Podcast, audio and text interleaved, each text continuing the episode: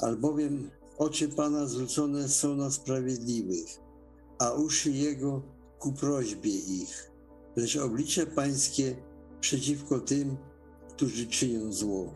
I któż wyrządzi Wam co złego, jeśli będziecie gorliwymi życznikami dobrego? Ale choćbyście nawet mieli cierpieć dla sprawiedliwości, błogosławieni jesteście, nie lękajcie się, więc wróć ich i nie tchórzcie się, lecz czyńcie to z łagodnością i szacunkiem. Miejcie sumienie czyste, aby ci, którzy zniesławiają dobre chrześcijańskie życie wasze, zostali zawstydzeni, że was spotwarzali.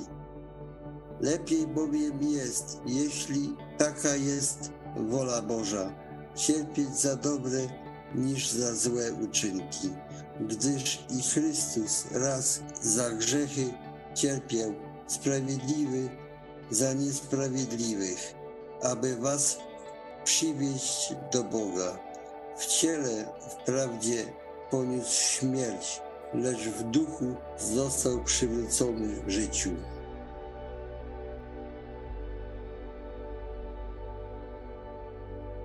I nie ma w nikim innym zbawienia, albowiem nie ma żadnego innego imienia pod niebem danego ludziom, przez które moglibyśmy być zbawieni.